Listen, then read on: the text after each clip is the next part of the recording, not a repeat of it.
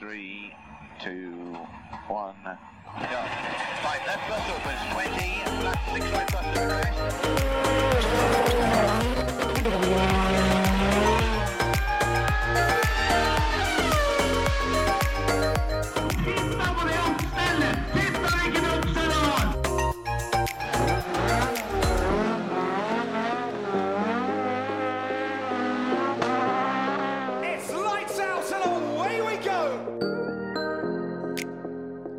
Velkommen til ny episode. Føremøtet er tilbake, og eh, vi får ta en sjekk da om alle er på plass i dag. Emil Antonsen, Hei, hei. Terje Flåten. Halla. Så bra. Jeg er her, jeg òg. Alle tre på plass. Og i dag så blir det spesial. Jaså? Vi kjører spesialepisode i dag, tror jeg. Ok. Hvilken type spesial blir det? Det blir, eh, det blir spesial om eh, Jeg tror ikke vi kommer til å prate en dritt om noe av det som har skjedd forrige uke, eller som skal skje i uka som kommer, omtrent. Kanskje litt om noe som skal skje til helga, men Så det blir en vanlig føremøteepisode? ja, omtrent. Nei, eh, det er vel Altså Det spørs om dere har noe på hjertet, da. Men jeg tenker som så det, at siden vi nå endelig har fått eh, tilgang til siste halvdel av Drive to Survive-sesongen, og har sett på den, så har jeg lyst til å prate om det, i hvert fall. Enig. Enig. Så da kan vi vel si fra til sånne Ja, vi kan gi en eh, såkalt spoiler alert. Hvis du vil ha en, eh, en helaften eh, lørdag 19. mars, eller fredag 19. mars, er det kanskje? Og Ja. ikke vite noen ting om hva du får i Drive to Survive, ja, da får du høre på noe annet akkurat den neste timen. For det, det er det vi skal prate om, da. Korrekt.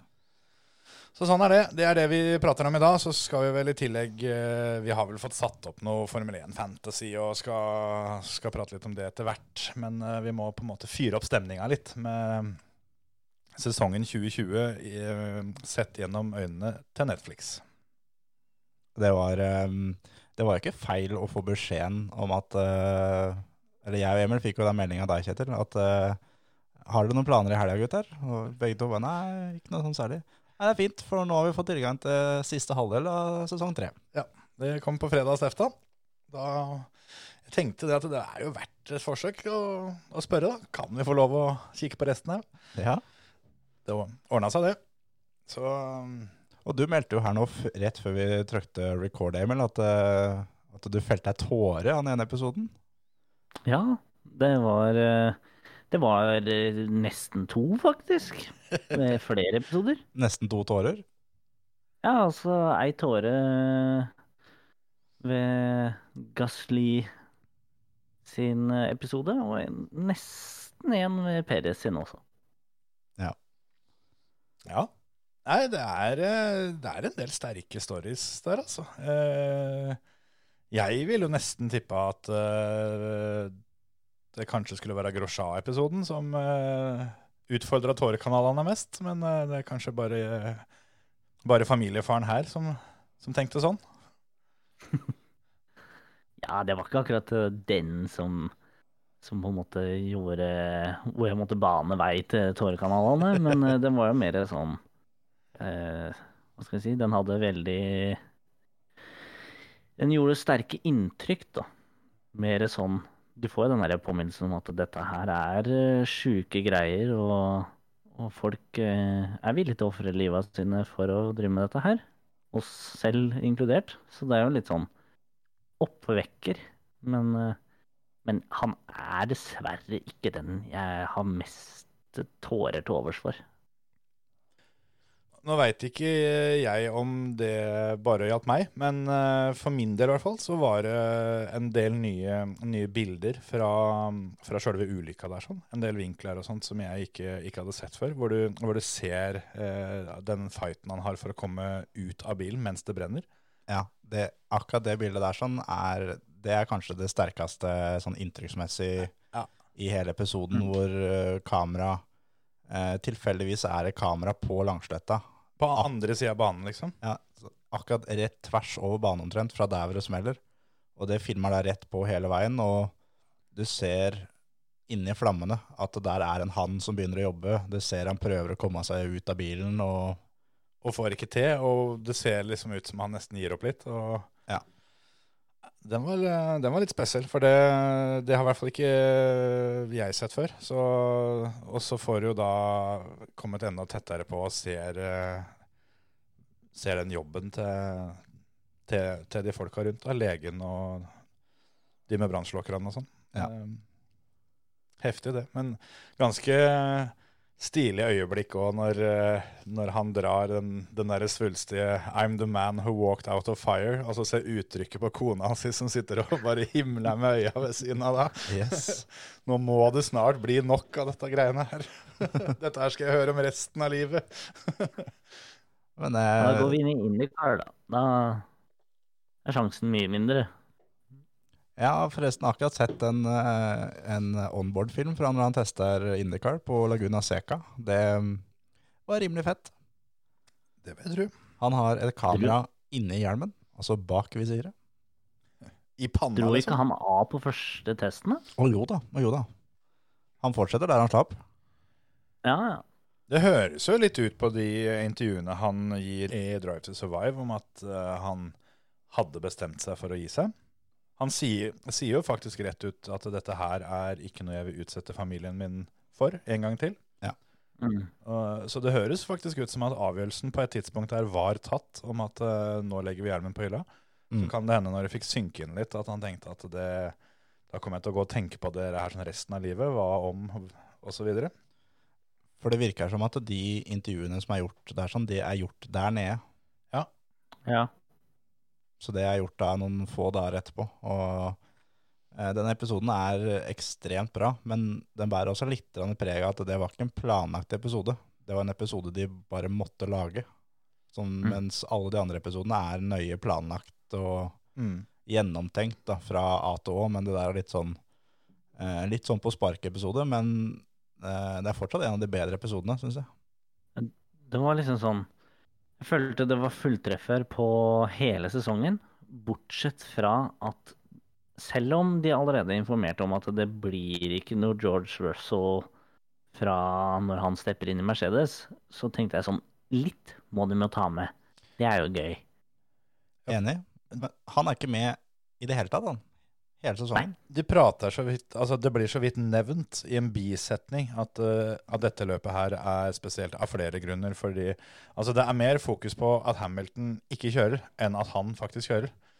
Jeg hadde ikke fått med meg det som du tydeligvis hadde fått med deg, Emil, at de, de, de hadde sagt fra på forhånd at det ikke kom med. For det er jo den store tingen uh, av, uh, av flere ting som, som jeg savna. Men jeg vil jo si at det er vel den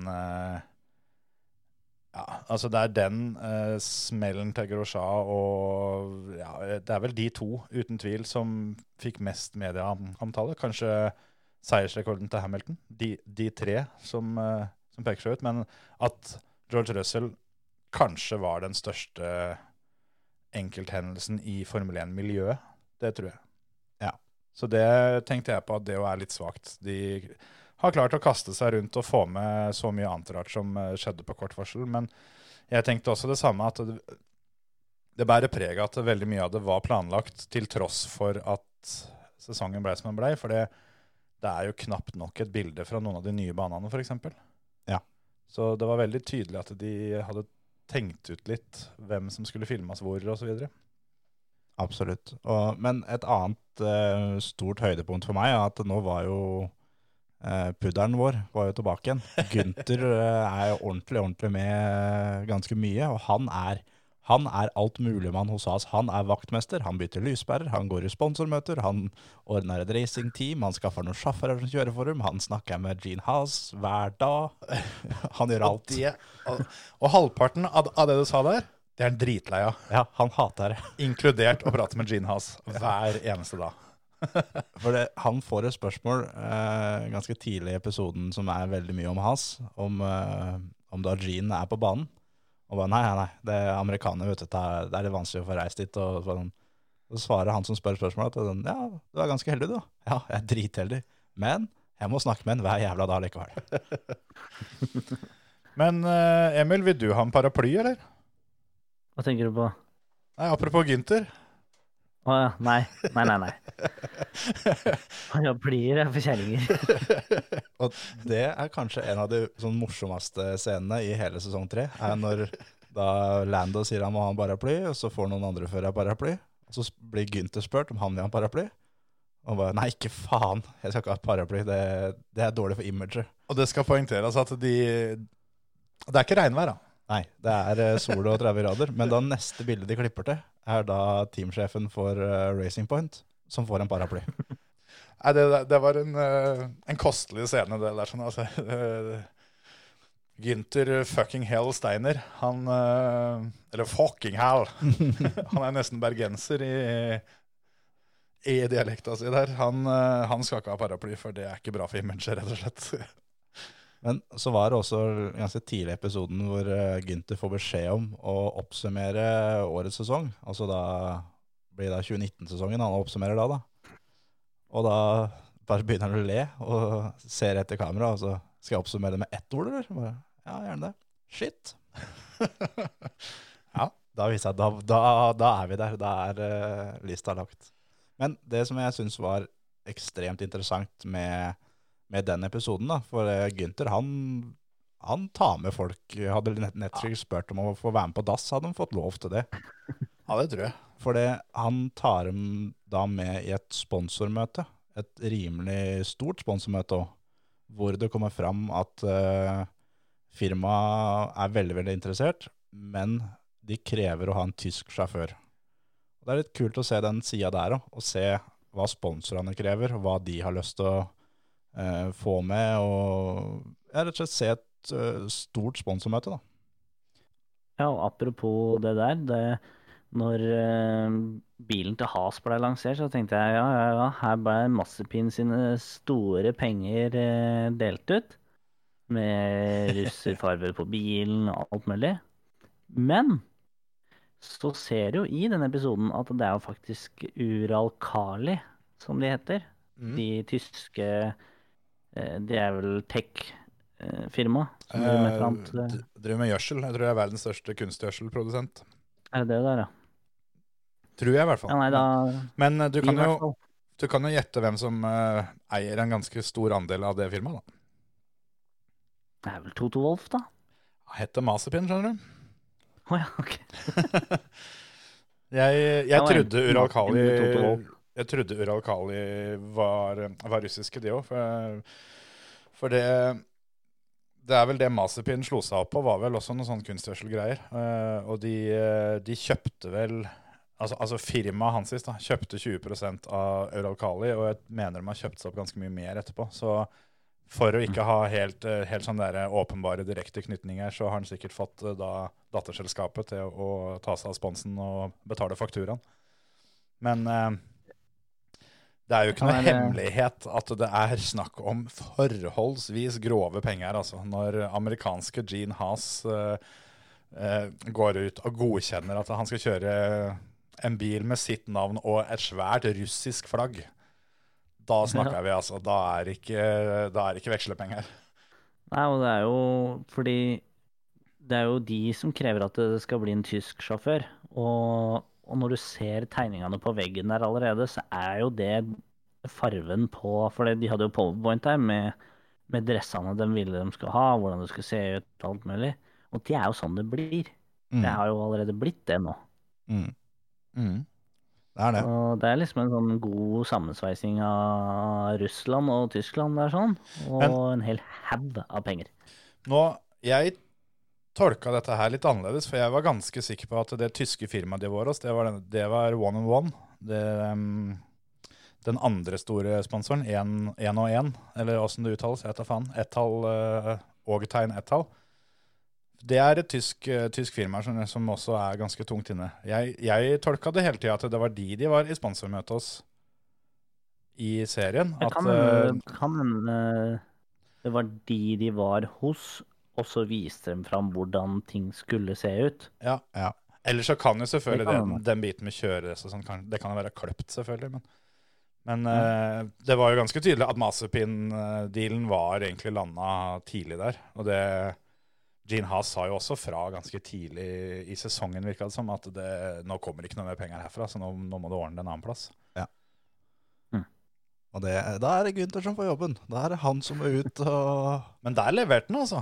Gunther eh, er eh, hva skal jeg si, Formel 1-svar på Jan Tore Kjær. en jævla å ha i møter.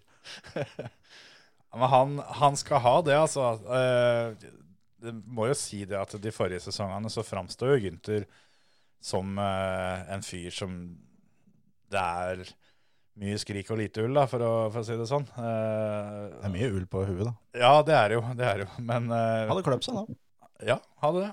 Og i tidligere sesonger som han, eh, som han er, er så beinhard mot føreren og, og sier at uh, jeg hadde sparka begge to og hadde jeg sjansen og sånn, og så kommer han da sesongen etter og begge er fortsatt med. Og, og veldig mye da, at det, det ser ikke ut som han egentlig har noe faktisk makt. Men i, i denne episoden her så, så får vi jo se, sånn som du sier det med de, det med de sponsoravtalene, at det er jo egentlig Gynter som ser ut til å fikse at hele Has-teamet overlever. Da, for at Gene Has han har gitt eh, Eller han har stengt krana, og Agynter ordner det. Og i tillegg den jobben han gjør for, for å sørge for å skaffe Mick Schumacher. Mm. For der er jo Alfa Romeo inne. Ak akkurat den scenen der også er helt kostelig. Når, når Gynter på en måte prater om at han vil jeg ha, og så switcher jeg en bilde til at han drar på seg Alfa Romeo-jakka. Nei, der, der skal Gynteren eh, ha tommelen opp. At han er tydeligvis dyktig på den biten der. Og så var det jo også litt um, Jeg syns det var gøy når, liksom, når Gynter skulle snakke om førerne de fikk neste år. var det sånn der, Mick, eh, Mick Schumacher han har vunnet Formel 3, han vunnet Formel 2, han er jævla god. Og, eh, sønn av faren sin og alt sammen. Og så har vi Nikita Masepin. da. Flink fyr, da. Faren har mye penger. Ja, og så var det stopp i grunnen om Ja. han. Det kom ikke så mye derfra. La dere merke til det med mm, far og sønn Masepin? At de er klin like. Jeg, jeg tenkte på det at det er, jeg er ikke helt sikker på at han guttungen er laga på den vanlige måten. Han kan fint være klona. Dyrka fram, rett og slett. For det, han var lik. Ja. Det har, du har sett noen tilfeller av, av, av forholdsvis lik far og sønn før, altså. Men det greiene der Ja, det var, eh, det var ganske likt. Jeg blir ikke overraska når han kommer fra Russland, om han har tilbrakt et par år i drivhus. Det, det kunne se litt sånn ut, altså. Det, det blir spennende å se, da. Nå er jo Gynter da kvitt eh, begge gutta han hadde før. Og det er jo faktisk en ting som kommer fram i den episoden. Det var aldri meninga å bytte ut begge. Det var hele tida meninga å bytte ut én. Sånn som jeg tolker det litt, da, så skal de bytte ut én, og da er det vel antageligvis Masterpin allerede på plass. Og så er det da den andre sponsoren som, som er klare til å komme inn, men da må du skaffe en, eh, en tysker. Mm. Og da må begge ut. Og Magnussen sier jo det at, eh, at det kunne hende at han var godtroende, som han sa, men han regna med at eh, han fikk lov til å bli. Og det, det tror jeg han hadde fått lov til òg, hadde de bare sparka én. Da hadde Grosjean ryket. Jeg tror også Jack and Jones hadde blitt prioritert med tanke på situasjonen til, til teamet. Og Det også er litt spennende, da. Og hvis vi noen gang får vite det, eh, hvordan økonomien er med og uten Jack and Jones, om de nå sitter igjen med mer penger enn det de gjorde når de hadde Magnussen. Ja, det tror jeg nok. Det kan ikke Ja. være tvil. Jeg tror også De hadde, at hadde eh, nok ikke bytta. Nei. Jeg tror også at, eh, at eh, mye av eh, Mikael Schumacher sine sponsorer, sånn som Rosbacher annet, at de også kan være med Mick inn her sånn etter hvert. Det er jo blir jo hinta litt til det. At eh, det ligger ikke i pakka fra starten, men at det er eh, en, eh, en dør de veit står på gløtt. Jeg er spent på også hvor mye Ferrari betaler, jeg. om de betaler noe. Ja. Det er nok en, en liten rabattpost på, på den fakturaen for, for motorer og sånt, kanskje. Burde nesten være gratis, vel. ja. Men eh, så kommer det også fram at Has eh, Det blir jo faktisk sammenligna med Willy Wonkas sjokoladefabrikk. Den den syns jeg er fin. For de, har, eh, de har ekstremt lojale ansatte. For så vidt så blir jo det en feil sammenligning, for det er jo akkurat det Willy Wonka ikke har. Før han får ansatt en haug med ompa-lompaer, da, da, da er det greit. Men Ingen inn, ingen ut er vel da Mhm. Konklusjonen der. Eh, Jeg syns den var litt fin. Jeg ser for meg Gynter Steiner som ville Wonka. Det, med den Bare venta på det. Men det er jo sikkert sikkert helt har- perfekt, da. Ja. Å slippe å sjøfle folk inn og ut og lære opp nye og bli vant og kjenne folk og nei, det må være sjukt digg. Bare dette er Vi jobber sammen. Vi er en familie. Sammen i tykt og tynt. Ja. Kjør i går. De er et lite team. Mindre enn de fleste andre, eller mindre enn alle andre, tipper jeg. Mm. Det er litt som du sier, Emil, at det er eh, Vi ligger bakerst, men vi ligger bakerst sammen. Ja. Artig, og det òg, med at eh, den store konkurrenten deres da er Alfa Romeo, som eh, er det andre teamet da, som, som kjører, med, kjører med samme motoren. Levert av Ferrari, og da er de på en måte De er i samme båten, men eh, de ror på hver sin side, på en måte, og, og, og konkurrerer for det. Sjøl om de er litt på lag, da, så er de fortsatt konkurrenter. Mm. Og så syns jeg også det er helt perfekt mengde med Kimi Raikon med i- sesong tre. For det, han, han får ett spørsmål. Det er uh, misliker du media? Bare ja, alltid gjort det, gjør det enda. Og det er det. Det, og dette er det. Og da ser du at Kimi egentlig Ja. Han drar på seg jakka, for da skal han gå. Jeg har, jeg har notert akkurat det samme, at det er akkurat passe mengde Kimi. For det, det var jo det vi virkelig savna etter sesong én. Så fikk vi enda mindre enn dette her i, av Kimi i sesong to. Mm. Men da kom den helt til slutt, sånn at det er et lite hint om at eh, vi, vi skal ha den med i sesong tre. Ja. Og det kan hende var meninga òg. Og så syns jeg det er veldig fint at eh, Daniel Kivat er fullstendig borte. Det er ikke ett ord Nei. i det hele tatt om han. Det nærmeste at han er med, at han er med på en teamradio. Ja.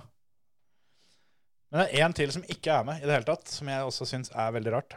I tillegg, altså det, er, det er ikke like rart som at George Russell ikke er, er med. Eh, Og jeg tenker ikke på Latifi, for han er heller ikke med. Kommer jeg på nå. Men det, det, det er én til som eh, også var en ganske sentral figur eh, i deler av sesongen, som ikke er nevnt med et ord i det hele tatt. Verstappen? Nei. Han er ikke så veldig mye med, han heller, faktisk. Nei, jeg prøvde å tenke ut hvor faen er han med? Hulken. Hulken, ja. Men Ocon er vel ikke så mye med han heller? Han var med i, i første halvdelen. Ja. Men det, er- det er jo flere uker siden vi har sett henne. du, Terje. Det er, Ja, det er det. å dette her. Ja. Det er viktig også å få gnidd det inn litt for, eh, for de som har ventet til 19. mars, føler jeg. Ja. Har de giddet og hørt uh, så lenge i en spoiler-episode, så, så blir de her resten òg. Så de kan bare, bare dra på. Ja, ja, ja. Men Hulken, det tenkte jeg, er ikke det også litt sånn sært? At de ikke har med han særlig i det hele tatt? For de er, det, er, det er mye racing point. ja, men det er eh, Jeg tror, som vi snakka om litt tidligere, at de har veldig fastsatt skjema. At eh, det løpet skal vi følge det teamet. Det løpet skal vi følge det teamet. Og sånn som George Russell i Mercedes, da, at Hulkenberg kom inn, det var veldig sånn på sparket.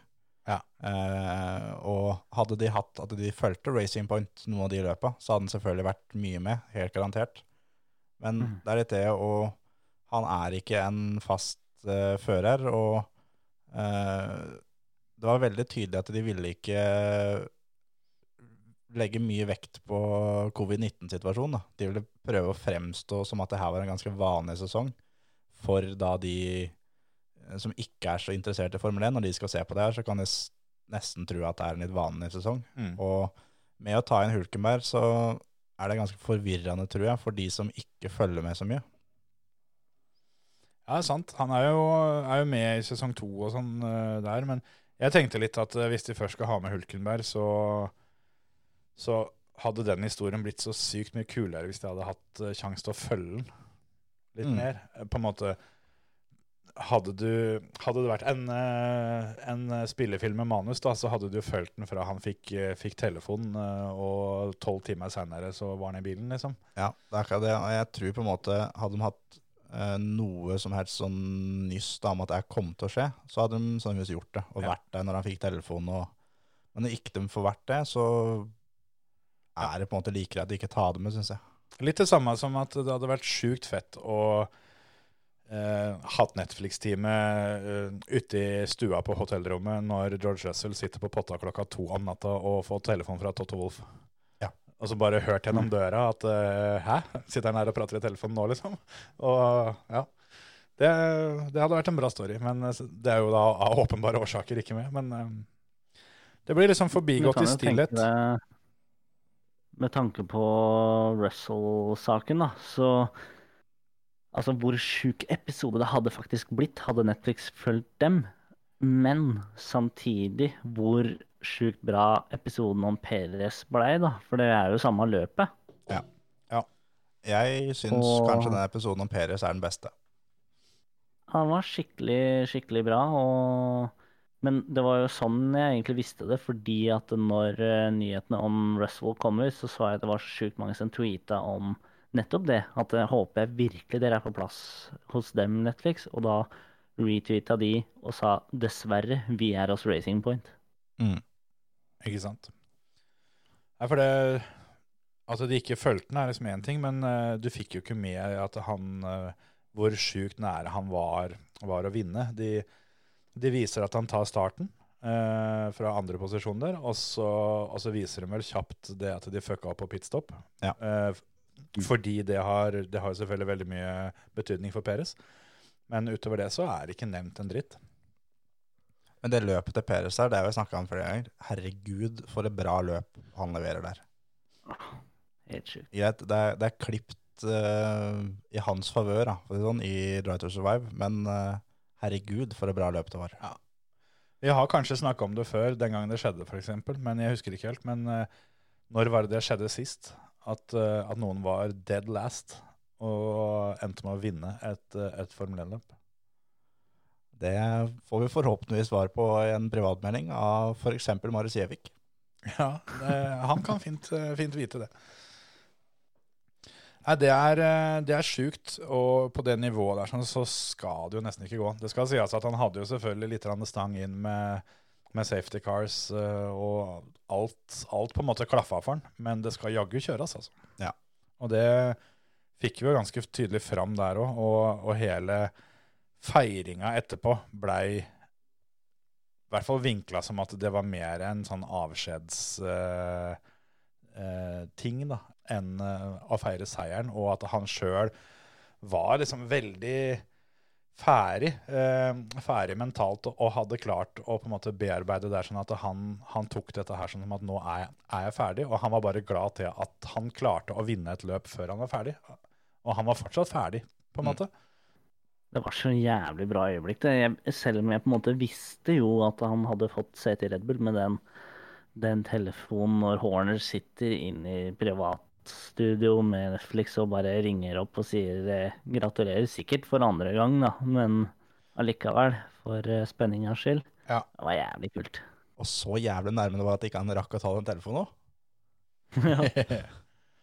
Men jeg med den episoden der sånn, så syns jeg det eh, virker litt sånn som det vi også snakka om uh, underveis i sesongen, at uh, når Peres på en måte var ferdig for sesongen, da, som vi ser der sånn, så visste ikke han noen ting om at han skulle kjøre videre. Han var, som du sier, han var ferdig. Han, Mm. Det han trodde, at han var ferdig i Formel 1. Ja. Og så kommer beskjeden seinere. For det eh, intervjuet med Horner, det tror jeg er gjort eh, altså et, en stund etter at eh, sesongen er over. Det virker litt sånn.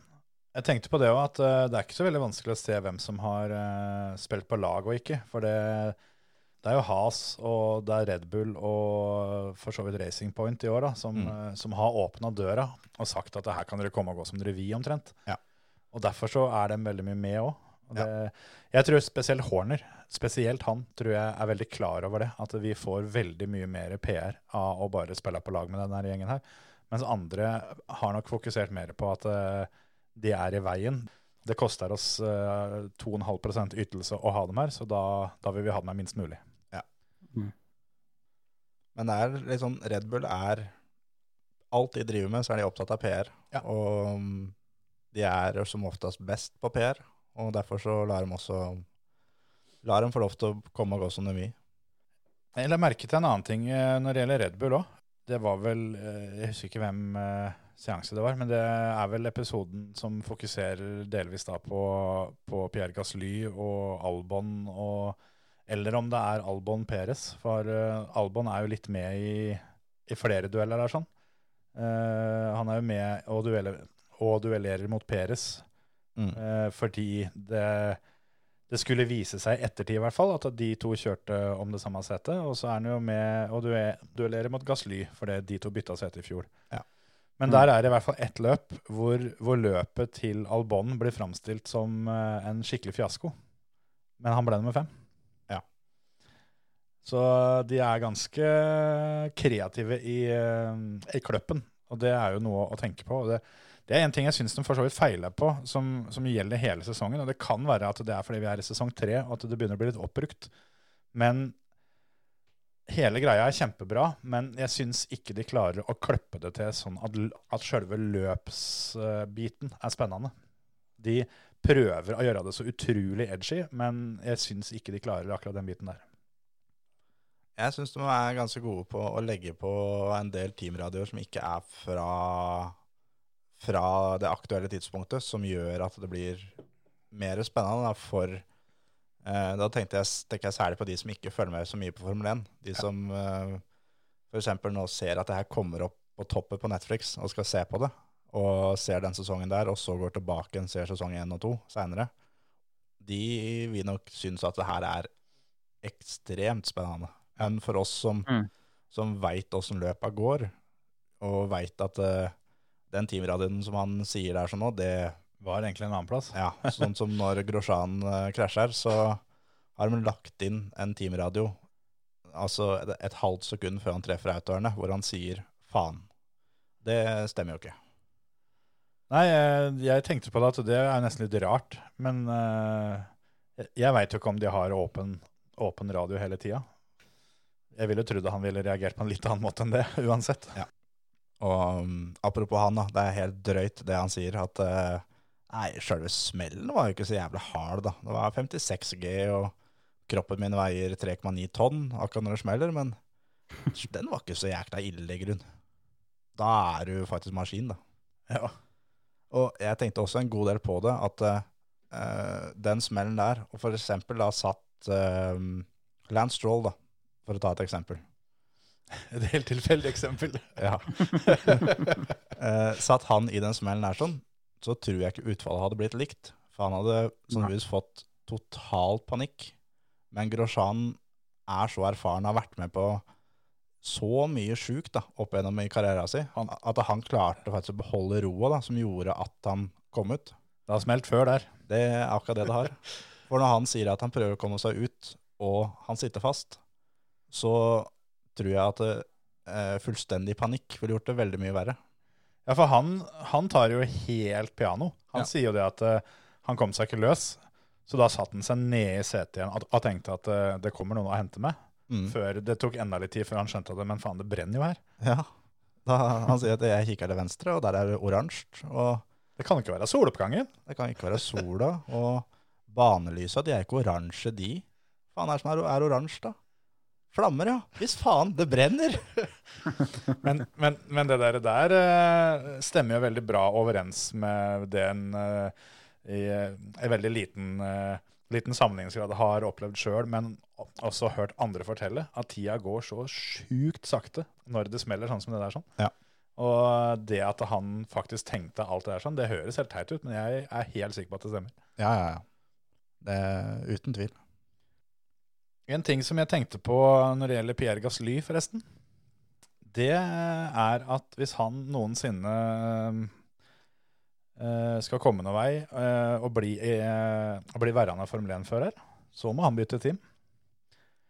For han kjører for Alfa Tauri kun fordi han, han vant, vant på Monza. Han tror jeg de hadde skibba ut hvis ikke han hadde, hadde begynt å levere noen resultater som, som var så gode at de var nødt til å beholde. Helt enig. Det kommer ganske tydelig fram eh, når Horner blir spurt om, eh, om de angra på at de, de dytta Gasly ned og henta Albon opp. Som han sa det at eh, for å si det sånn, så er det absolutt ingen internt som har bedt om å få han tilbake. Nei, det understreker jo bare hvor sjukt avhengig han er av å ha et team hvor han ikke har noe press. For det er jo det som tydeligvis er feilen her. Og sånn som de på en måte allerede har sett, at så fort han får en bil som er ment til å gjøre det bra, så får han for mye press på seg sjøl og klarer ikke å prestere sånn som han kan. For han er jo rask og flink. Herregud, han har vunnet Formel 1-løp. Det er ikke akkurat mange som kan si det.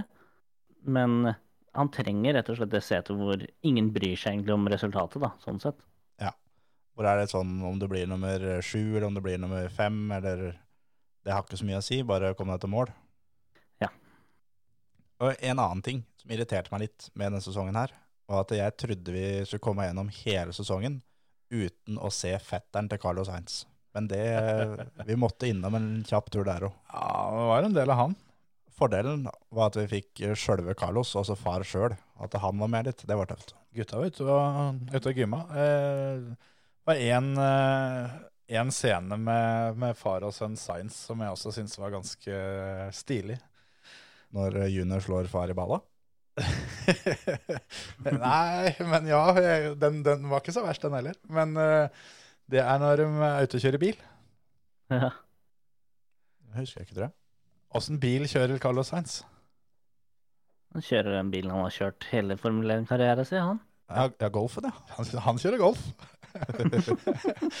og en annen ting som jeg også tenkte på der, eh, som jeg syns nesten var litt spesielt, det er at eh, når pappa Sainz, han, eh, han veit jo at han, eh, at han eh, er på TV. Så han gjør det bevisst, men han får faktisk lov til å, å stille i fullsponsa outfit fra Red Bull. Mm. For han er jo personlig en Red Bull-fører. Ja, ja. Det, så at han på en måte prøver på det, skjønner jeg jo. Men at ikke, ikke Netflix uh, ber ham om å ta på seg noe annet. For det, vi er egentlig ikke her for å filme deg, men vi er her for å filme, filme sønnen din. Og jeg tipper at sønnen din sin arbeidsgiver er lite interessert i at vi skal promotere for en konkurrent. Ja. Det er for så vidt sant. Jeg tipper Men at det kan eh, også hende at Carlos sjøl, han er ikke den som går i butikken hver dag. Kan hende at han har Nei. fått tilsendt treningstøy. ja, det kan nok hende. Og kan også hende at når, når, når gamlefar Sainz sier at eh, Nei, jeg går ikke og skifter, jeg. Ja. Så, så blir det nok sånn at nei, nei, da blir det sånn, da. Men jeg tipper at Zac Brown han, eh, han eh, gnei seg litt på haka når han så den episoden. Ja. Eller når han ser. Jeg vet ikke om han har vært så heldig som oss. Nei, det er ikke sikkert. Men de er jo også, far og sønn Science er jo spilla golf. Og da husker jeg at jeg tenkte på at jeg må spørre deg, Emil, om eh, er de gode? Eller har Netflix klept det sånn at de ser ut som de er gode? Eh, Carlos har en ganske grei Eller altså da junior, da. Har en ganske grei swing.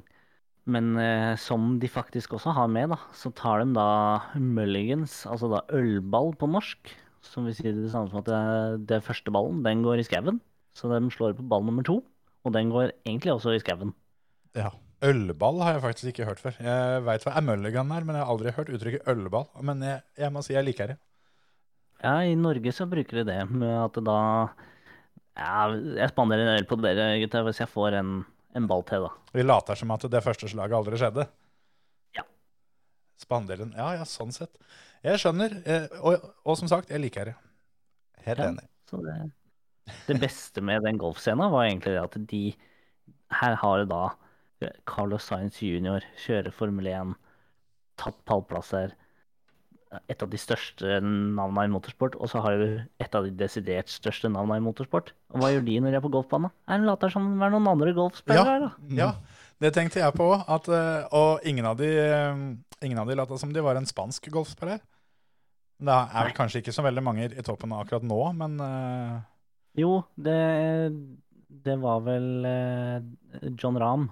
Rahm, han er spansk. han er spansk, ja. Ok. Så det, de valgte én spansk, og så tok eh, Carlos Sainz jr. Ricky Fowler. Da. Han er amerikaner. Jeg tenkte på um, Sergio Garcia. Er ikke han spansk? Han spiller han er kanskje ikke veldig spansk og veldig god. For han, eh, han tenkte jeg på at nå, nå håper jeg en av dem skal være han. For han har nemlig jeg eh, både drukket øl og prata med, så han føler jeg kjenner litt. Sånn apropos ølball. Den. Yes, apropos ølball. Har du Eh, drukket øl med den mannen der? Flere ganger, faktisk. ved flere, ved flere anledninger i flere forskjellige land. Ikke sant? Kjente jeg ble kvalm. Og det som gjør dette her enda verre, eh, er jo at jeg tror det var tredje gangen jeg prata med han, at jeg fikk, fikk vite at han var golfspiller. så ja, så sånn var det. Han var vel trivelig fyr, tenker jeg. det kan, jeg har tenkt på det, det kan jo hende det var derfor at han syntes det var trivelig å prate med meg òg, fordi ikke, ikke jeg var klar over hvem han var. At han, eh, at han er litt lei av det at alle skal sleike, sleike ræv. For det, det drev jo ikke jeg så mye med, for jeg visste jo ikke at den ræva var full av gull. Men eh, Ja, før hvor var dette? Nei, Han er veldig glad i å spille poker, så han har vært på, vært på veldig mye store pokerturneringer som jeg har vært på um, også. Og da uh, Første gangen var at vi, vi spilte en såkalt mediaturnering sammen. For jeg var jo der som media, og der er, er det veldig vanlig at en del, en del av de sponsa kjendisene også er med. Ja. Så vi havna på samme bord ved siden av hverandre og satt og, og kjøpte øl til hverandre og hadde det skikkelig trivelig. Så det var sånn det begynte. Se den, ja. Den skal jeg ta med til gutta på banen. Da Ja. blir det liv i leiren. Artig. Men før det her sånn sklir helt ut, skal vi ta en liten strekk på beina? Det kan vi gjøre, så får vi prøve oss på en slags oppsummering etterpå. Det, det kan vi gjøre.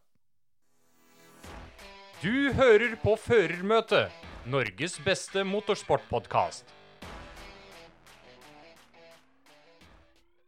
Da var tanken tømt. Åh, oh ja.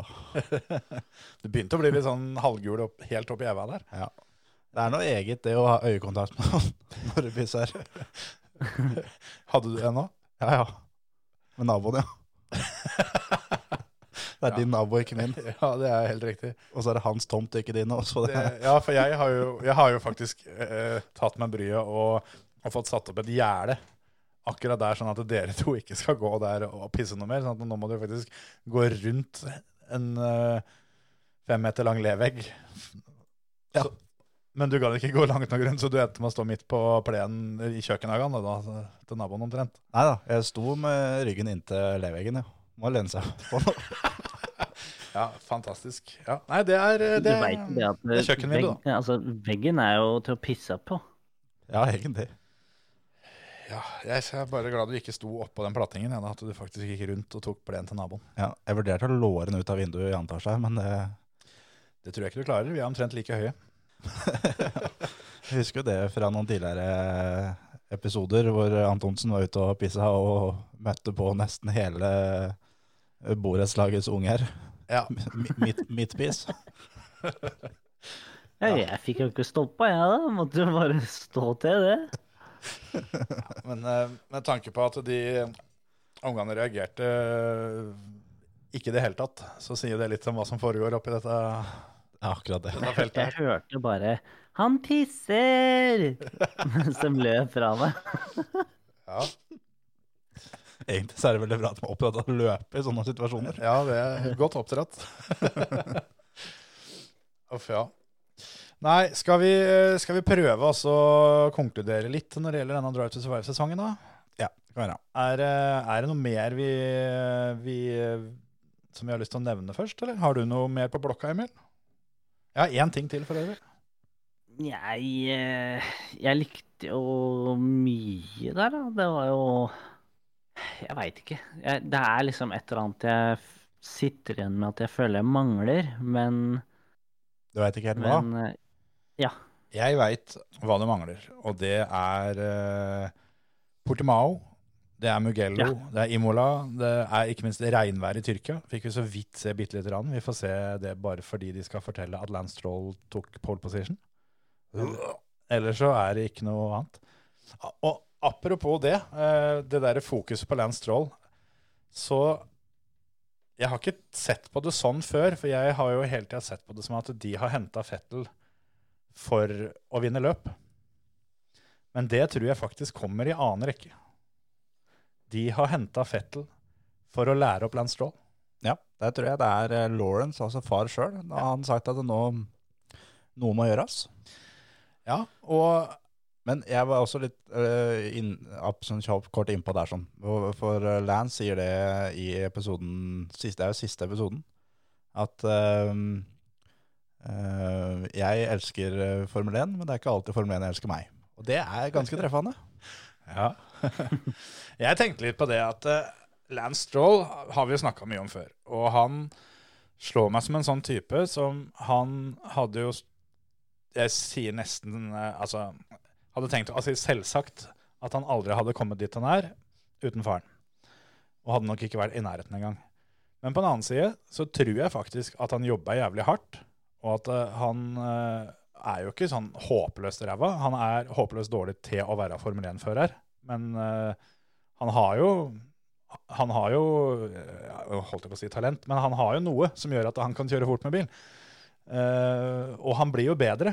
Og det når, når han nå får Fettel, som uh, i praksis er, uh, er ansatt som PT, så kan det hende at han begynner å få det til litt. Men han er jo da bokeksempelet på betalsjåfør som, eh, som har utvikla seg til å bli en OK sjåfør, da.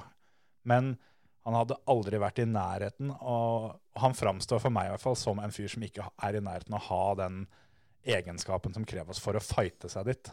Han har fått det servert hele veien, og kun derfor så er han der.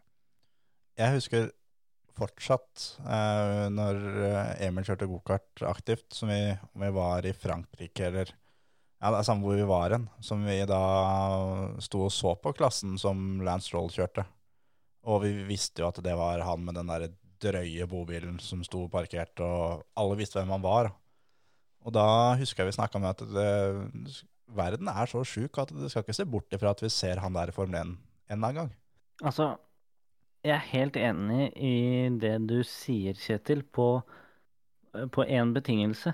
Og det er at eh, da må Lance slutte å være den bortskjemte drittungen som bare får ting servert. Da må han plutselig finne en eller annen måte å endre hele attituden sin og, og switche helt over til å kun ta inn informasjon og lære. Jeg, altså, jeg, jeg eh, skal ikke komme her og si at han, eh, han kommer til å bli kjempegod, altså. Det, Nei, nei. Nei, men i teorien din, på en måte, at det, det er jo det her Lance eh, og spesielt Lawrence da, vil med hele greiene. Det er jo at Lawrence. skal komme inn og kjøre, altså bare få Lance til å kjøre fortere og fortere og fortere hvert eneste år. Ja. Men det avhenger av at han faktisk eh, vokser opp litt, og han har jo blitt noe mer moden, men han er fortsatt uh, Ja, han smaker vondt ennå, hvis det er lov å si. Ja, og jeg tror, sånn som i Ferrari, da, når Vettel var der, så respekterte han Charles fordi at han er en sånn fyr som jobber ekstremt hardt. Han er nysgjerrig på alt. Han spør og graver, og hvis Vettel sier en ting til han, at eh, i den svingen der sånn, prøv å gire ned til tredje gir eh, litt seinere enn det du gjør, så prøver han det faktisk. Ja. Men jeg tror ikke at Fettel kommer til å få den respekten for Lance Stroll. For det Lance Stroll kommer til å svare nei, vent, drit nå i det, da. Når jeg girer til tredje gir, det er jo for faen ikke viktig. Jeg kjører fjerde. Ja. tredje gir, helvete, jeg har fjerde gir. jeg. Jeg, er litt spent på åssen det der går, fordi eh, hvis, hvis jeg har rett, da, at uh, det er Lance Stroll som faktisk er førstefører, Uh, uten at de nødvendigvis viser det utad, men at, at hele teamet er på en måte prima for det. Og hvis det etter hvert går opp for Fettel, og i hvert fall hvis det går opp uten at han uh, har fighta helt i toppen, hvis han surner like jævlig som det, det han gjorde siste året i Ferrari, da blir det stygt. Det men altså, hvis, hvis Fettel har uh, speed i den bilen der, Det kommer han til å ha, tror jeg. kan da, da, Ja, men da kan bare Lawrence og Lance og hele Racing Point eller Aston Martin eller kall det hva du vil, de kan egentlig bare drite i alle planene de hadde. Det blir ikke noe av. For da skal Fettel vinne. Mm. Jeg jo tror det, og jeg håper jo for Fettels del at det er sånn det går. Uh, men eh, jeg tror fortsatt at, eh, at Lance Stroll uh, kommer til å ha fokus på den langsiktige planen, uh, og det er at sønnen skal bli verdensmester. Ja. Og jeg tror jo, altså, jeg sier jo ikke det at, at Fettel ikke, ikke får lov å kjøre så fort han vil, for det, det får han jo selvfølgelig. Men uh, jeg tror han kommer til å måtte jobbe litt med det de kommer til å kalle team performance. Ja. Men jeg leste et intervju senest nå i dag med, med da Aston Martin, som sier det at eh, eh, det kommer ikke til å bli noe problem å få Fettel eh, på pace, fordi han har en veldig eh, hva skal det, normal kjørestil. At han vil helst ikke ha understyring, han vil heller ha litt overstyrt. Eh, mens da Peres, han var mye mer eh, sensitiv og aggressiv i oppsettet på bilen, og de fikk det til å funke. Og derfor vil det bli en enklere sak å få bilen til å funke til Vettel. Ja. Det tyder jo veldig bra i Vettels favør. Han får jo en bra bil, det er ikke noen tvil om det. Og det, For Lance Stroll sin del da, så tror jeg det var viktig for han at han fikk både første pole position og kom seg på pallen litt sånn i fjor. At uh, da tar han med seg litt sjøltillit. Og Fettel eh, får eh, sjansen til å trykke på reset-knappen og begynne med litt blanke ark uh, i en bil som, som eh, de veit er bedre enn den bilen han hadde. Så mm, det blir et spennende team å følge. Da. Ja, absolutt. Men eh, skal vi mm, Har vi lov til å trille terningen nå for sesong tre? Nå har vi lov å trille terning. Skal vi bare gjøre det, eller? Ja, hvis ikke vi har noe mer eh, rundt det. Jeg tenkte litt også på en ting som jeg hadde på, hadde på blokka mi over ting jeg savna. Eh, Det måtte jeg stryke sånn delvis de siste minuttene. Det var jo eh, engasjementet eh, Altså, jeg hadde ført opp, ført opp rekordene og engasjementet til, til Hamilton, men også engasjementet til Formel 1 i sin helhet. Den siste biten, den står for akkurat som da dette her skjedde, og som Hamilton var veldig, veldig tydelig på i fjor sommer, så står han aleine i dette her som når det blir vist på Netflix. Det er Hamilton sin kamp, ikke Formel 1 sin kamp, og det er Hamilton og ikke de andre førerne som eh, er ute da og fronter fronter Black Lives Matter og We Races One og alt det der sånn, som, eh, som det var masse fokus på, som de da faktisk går en del vekk fra den, eh, den sesongen her, ettersom jeg har skjønt. Mm. Så det, det var en eh, var en, ja, hva skal jeg si, logisk eh, og forventa avslutning på sesongen. Og litt ålreit å få det bekrefta òg på Ja. Netflix, at det her er sånn som det vi har trodd. At det her er Det er Hamilton mot, uh, mot resten. Og han sier jo også rett ut at, uh, at uh, han er Når han har blitt så kjent, så må han bruke den statusen sin til å gjøre noen forskjeller her i verden. Jeg tror også det er, som vi har vært inne på før, det er det, er det engasjementet som kommer til å sette et punktum for Hamiltons karriere. Ikke at han eh, ikke er kjapp nok eller et eller annet sånt. noe. Det er rett og slett at han, eh, han får et annet fokus. Ja. Tror jeg, da. Enig. Åssen eh, terningkast blir det gitt i Moss? I Moss så ruller vi en femmer, faktisk. Og den uh, femmeren er ganske sterk, men uh, den får uh, Får et fratrekk, rett og slett fordi selv om jeg var forberedt på det, så ga det meg ikke det jeg ville ha. Jeg ville ha mer inside om Russell og da Hulkenberg, for eksempel. Ellers så syns jeg det var jævlig bra, akkurat som de sesongene før. Eneste var forskjellen nå, er på en måte at jeg- ser det ikke for første gang.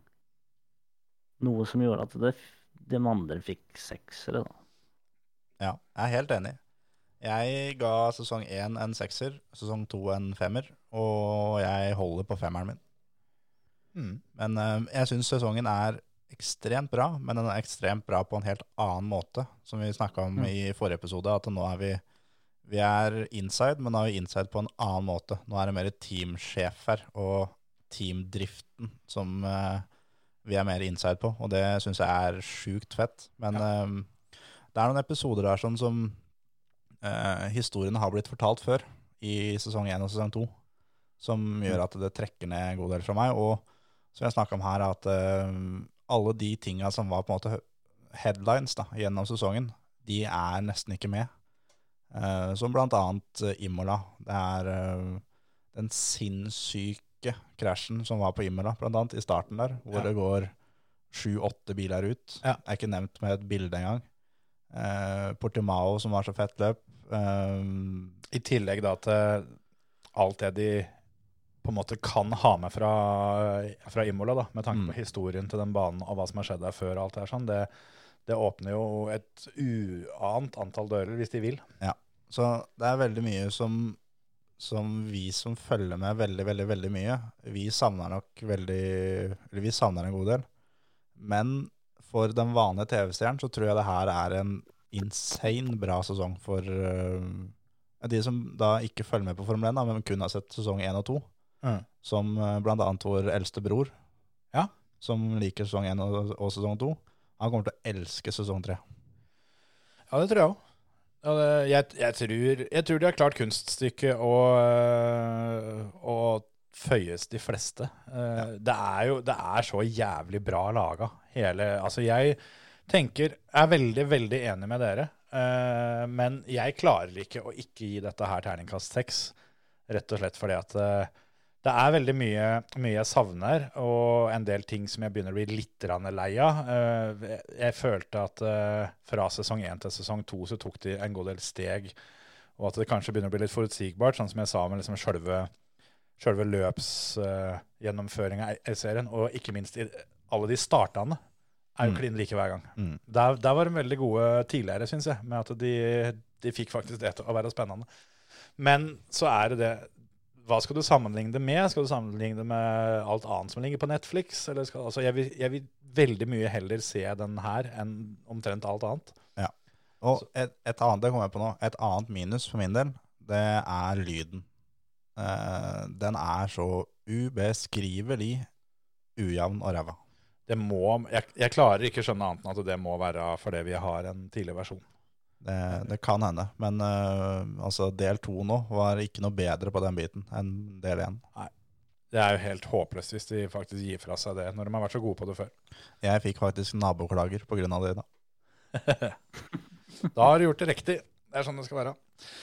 Jeg, jeg husker ikke helt åssen jeg sa det når sesong to kom, at, uh, hvor jeg ga sesong én terningkast fem og sesong to terningkast seks, men syntes sesong én var bedre. Det var et eller annet sånt rart uh, som jeg fikk forklart meg fram til den gangen. Og jeg syns at sesong tre er bedre på mye, dårligere på en del. Men, eh, men jevnt over så er hele produktet så ekstremt eh, bra kvalitet at eh, det, det må bare bli en sekser. Jeg, jeg klarer nesten ikke å tenke meg ut hvem jeg ikke skulle anbefalt den serien her til. Jeg er helt enig.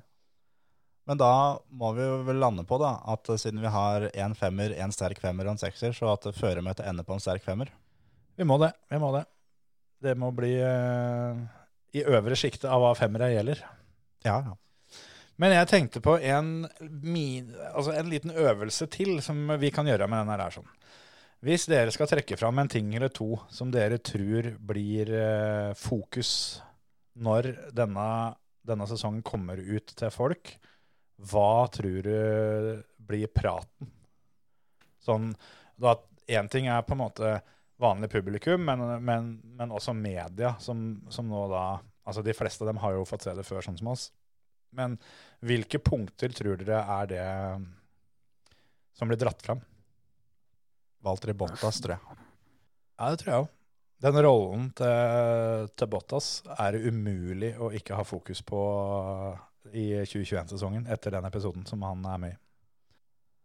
Men kanskje også, som du nevnte tidligere, Emil, Christian Horner. Mm.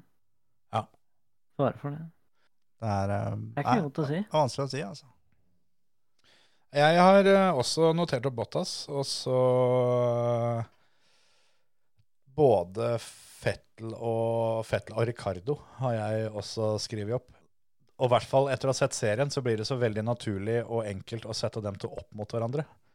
Som i hver sin ende av skalaen når det gjelder profesjonalitet i sesongen som var. Hvor den ene bare bøyer nakken og jobber enda hardere for å overbevise, mens den andre gir helt flatt faen. Eh, og det tror jeg også er noe som uh, kommer til å bli uh, et tema. Og i hvert fall hvis det skulle bli en dårlig sesongstart for Fettel, et par løp, så får han det varmt. Han er nødt til å fyre på alle sylinderne nå, altså. Ja, uten tvil. Mens Daniel Ricardo tror jeg får litt mer slack. Sjøl om han vil jo alltid ha det fokuset da, med at han har bytta team så mye, har det vært riktig osv. Uh, og nå kom det jo fram at uh, det er ikke sikkert han Altså det er ikke nødvendigvis eh, sikkert han ville foretatt det byttet etter sesongen som han gjorde før sesongen. Nei, Så- det var nok det at um, altså, Silje season begynte nok litt tidlig for ganske mange i fjor. ja, det, det gjorde det absolutt. Det, og så tror jeg det blir som det allerede har begynt å bli, da, med at bilen eh, til Has har kommet ut. Det med mm, måten Has nå er strukturert på, da, med at Gene Has eh, ser ut til å ha satt seg litt mer i baksetet i sitt eget team, og at det er eh, pappa Masepin eh, som eh, har balletaket på Gynter. Hvis det blir en sesong fire, tenk hvor mye pappa Masepin eh, betaler for at det er én episode om sønnen. Ja, det var jo forholdsvis mye Lawrence Stroll og Lance Stroll denne sesongen, så du er inne på noe der. Skal vi si at dette var lett, eller uh, om Drive to Survive? Ja. Jeg syns jo at det er en nydelig og myk overgang her til uh, å fortelle om uh, Fantasy Formel 1. Ja. For der har jo vi laga liga. Det har vi. Har du lyst til å lese opp den eh, flotte invitasjonskoden vi har, eh, Terje? Den, eh, den er ikke like enkel som i Fantasy VRC, hvor vi har liga i det 44. Det er også en sånn kjempefin beskjed å få uten å være forberedt. Men eh, liga-ID-en vår på fnfantasy.com er 339B11A27F. Ja. Var det A før F-en, eller? hva- Ja. Ja, ok. ja, 339 B for Bjarne, 11 A for Anders, 27 F for Fanken.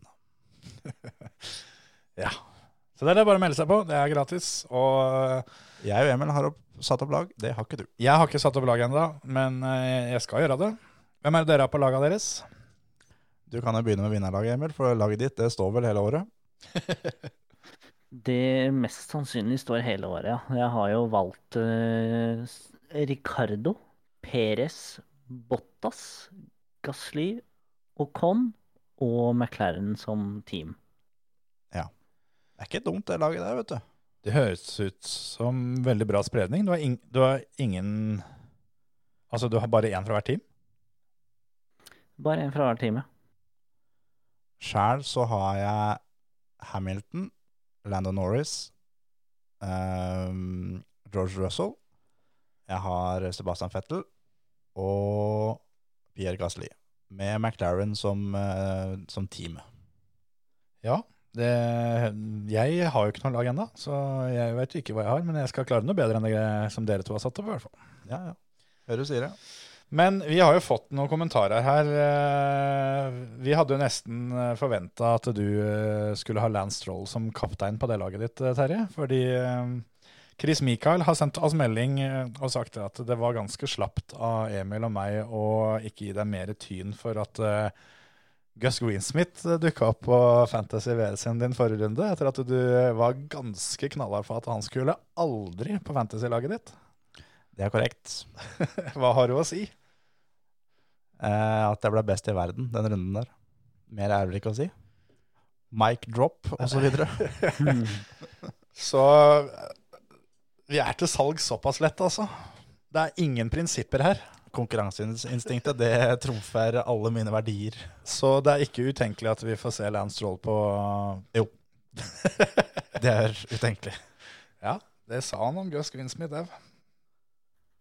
Vi får se, vi får se. Men eh, jeg er helt enig i at det er, det er slapt av dere gutter. Her burde dere vært på ballen. Ja, det er helt riktig. Det, det var liksom så utenkelig at jeg ikke helt fikk med meg at det faktisk skjedde. Jeg trodde det var ljug helt til, helt til det var bekrefta. Men eh, vi må jo da si da at vi må takke til alle sammen som har sendt inn meldinger til oss. Det er, eh, Vi setter pris på hver eneste en. Det gjør vi. Nå er jo eh, Formel 1 Fantasy eh, ute av sekken nå, eller hva man skal si, for det har vi fått ganske mange, mange meldinger om. Jepp. Eh, de av dere som ikke orker å spole tilbake for å høre Terje lese den bingorekka en gang til, kan finne den koden på um, Facebook-sida vår. Sannsynligvis skal vi, skal vi få til en, en, en link direkte inn nå. Vi skal i hvert fall prøve. Det tror jeg er vanskelig. Jeg tror jeg du må inn med lottorekka. Copy-paste, med andre ord. Og for de som er litt usikre på, på hvem de skal ha på laget, så kan det være greit å ha is i magen eh, noen dager til. For det, denne helga her så får vi jo eh, de første svara. For nå er det, nå er det vintertest. Nå er det Formel 1-test. Det heter kanskje ikke vintertest lenger. Nei. Det er vel i Bahrain, er det ikke det? Jo. Det er faktisk en ting til som ikke er med i, i drømsesongen i det hele tatt. At uh, Fernando Alonso kommer inn igjen. Det hadde jeg kanskje trodd de skulle ha med litt på. Ja, det er sant. Hva er dine forventninger til, til første testen, Emil? Nei, det er egentlig at eh, de vi forventer skal være raske, er ikke så raske. Og at uh, Alonso og Ricardo kommer å være på pace med en gang. Og at flere drar eh, i veggen i år. Ja. Det, det tror jeg faktisk er en ganske grei oppsummering av sånn det kommer til å bli. Ja, den var fin, den. Jeg eh, er litt spent på Det er vel bare Mercedes av de som har offentliggjort bilen sin foreløpig, som ikke har offentliggjort hele bilen. De hadde spart litt detaljer. Så der får vi vel kanskje Det jeg tror jeg gjelder for mange, altså. Ja, det kan hende. Og jeg syns når Williams offentliggjorde bilen sin Det er ikke sikkert at jeg er så god på det, men kanskje du vet, Emil, at eh, jeg syns det der så ut som bare Photoshop-bilder, ikke ekte bil.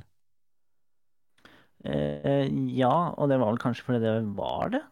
Ja, jeg Tror jeg. tror det at det var ikke bilen som alle andre team har, at det her var eh, Photoshop, for det var forskjellig bakgrunn på flere av bilene. De har ikke skrudd sammen kjerra ennå, rett og slett. Den, den, den ligger i hylla. Kan hende. De skulle jo slippe noe virtuelt med den Williams-appen sin og greier, hvor du kunne få 3D-modellen inn i stua di og alt mulig, men så ble de hacka eller et eller annet, og det var noe greier som ikke funka ordentlig der. Så da kan det hende at de bare har tatt den modellen de tydeligvis har uh, skanna inn såpass bra, da, og så lagt ut bilder av den. Kan, kan hende at uh, Frank fikk uh, ordna wifi på brødristeren sin og fikk hacka seg inn. Det flyter med andre ord like godt som før for det teamet der. Ja.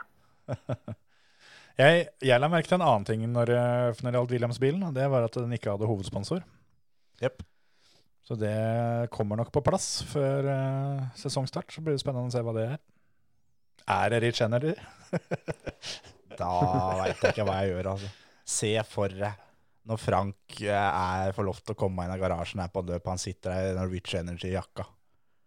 Da er faktisk verden komplett. Og Frank sitter på fanget til William Story. William Story har Frank som bæresele. Nei, det, det, er- det, det bare kan ikke være så sjukt. Nei. Jeg har prøvd å følge med litt på de, de kontoene rundt omkring Reach Energy i det, siste, og har jo alltid på en måte følt at det, bare har vært eh, ei svær suppe med rør. Men eh, jeg blir mer og mer sikker for hvert innlegg som blir posta. Ja. Men det er nå klart det før, så vi får nå se hva som skjer. Det, det skal nå i hvert fall en sponsor inn der, så får vi se hva det blir. Det var jo mange som trodde at Best Water Technology, som var Racing Point sin hovedsponsor i fjor, skulle bytte til Williams, men uh, de dukka opp på um, Aston Martin-bilen, gitt. Gjorde det. Det er, eh, det er mye som kan skje ennå. Jeg eh, gleder meg til testen, og uh, siden Viasat ikke har rettigheter til å vise det, så må vi jo nesten da fortelle at eh, folk må skaffe seg tilgang til eh, Skysport eller eh, F1 TV. F1 TV eventuelt. F1 TV kom med nyheter denne uka her, for øvrig. At Altså, de, de er på Apple TV. de kommer på Apple TV. Mm Eh, de åpner i hvert fall for casting på en mer normal måte enn den tullemåten som de har drevet med før. Og kommer med app til Apple TV, blant annet. I løpet av kort tid, er det vel lov å håpe. Halleluja. Og så er det også det at det, det trenger ikke at det er bare grunnen for å skaffe seg F- F1 TV, for at, det, at Viasat ikke sender det. Det er bare for å skaffe seg det uansett. Ja. For uh, det greiene som Viasat leverte i 2020, var så langt unna terningkast seks som jeg klarer å komme. Det var uh... Det var fem mindre prikker på den terningen. Fikk terning, da. Det er ikke alle som får terning. Det var faen så vidt det. Hadde vært en blank terning som hadde fått den. Jeg eh, så en del løp på både Sky og F1 TV og Viasat i fjor, og eh, er glad jeg har valgmuligheten, for å si det sånn. Jeg er veldig glad for at eh, jeg hadde den mute-knappen i fjor. Når jeg så på Viasat. Hatt F1 TV i flere år. Går aldri tilbake. Så enkelt er det. Så enkelt er det. Sånn har det blitt. Skal vi eh, si at eh, dette er rett, eller? Og så får vi eh, Da tar vi og dytter over ei uke til det vi dytta over fra forrige uke, nemlig dirt-konkurransen vår. Nå har vi bare prata Formel 1, så da gidder vi ikke blande inn det. Nei. Så, det, så det, det, det tar vi til uka. Må ha noe å prate om da òg. Ja, det er sant. Snakkes til uka, folkens. Ha det bra. Ha det. Hei, hei, hei.